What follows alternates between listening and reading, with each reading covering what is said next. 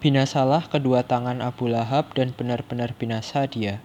Tidaklah berguna baginya hartanya dan apa yang dia usahakan. Kelak dia akan masuk ke dalam api yang bergejolak. Dan begitu pula istrinya, pembawa kayu bakar. Di lehernya ada tali dari sabut yang dipintal.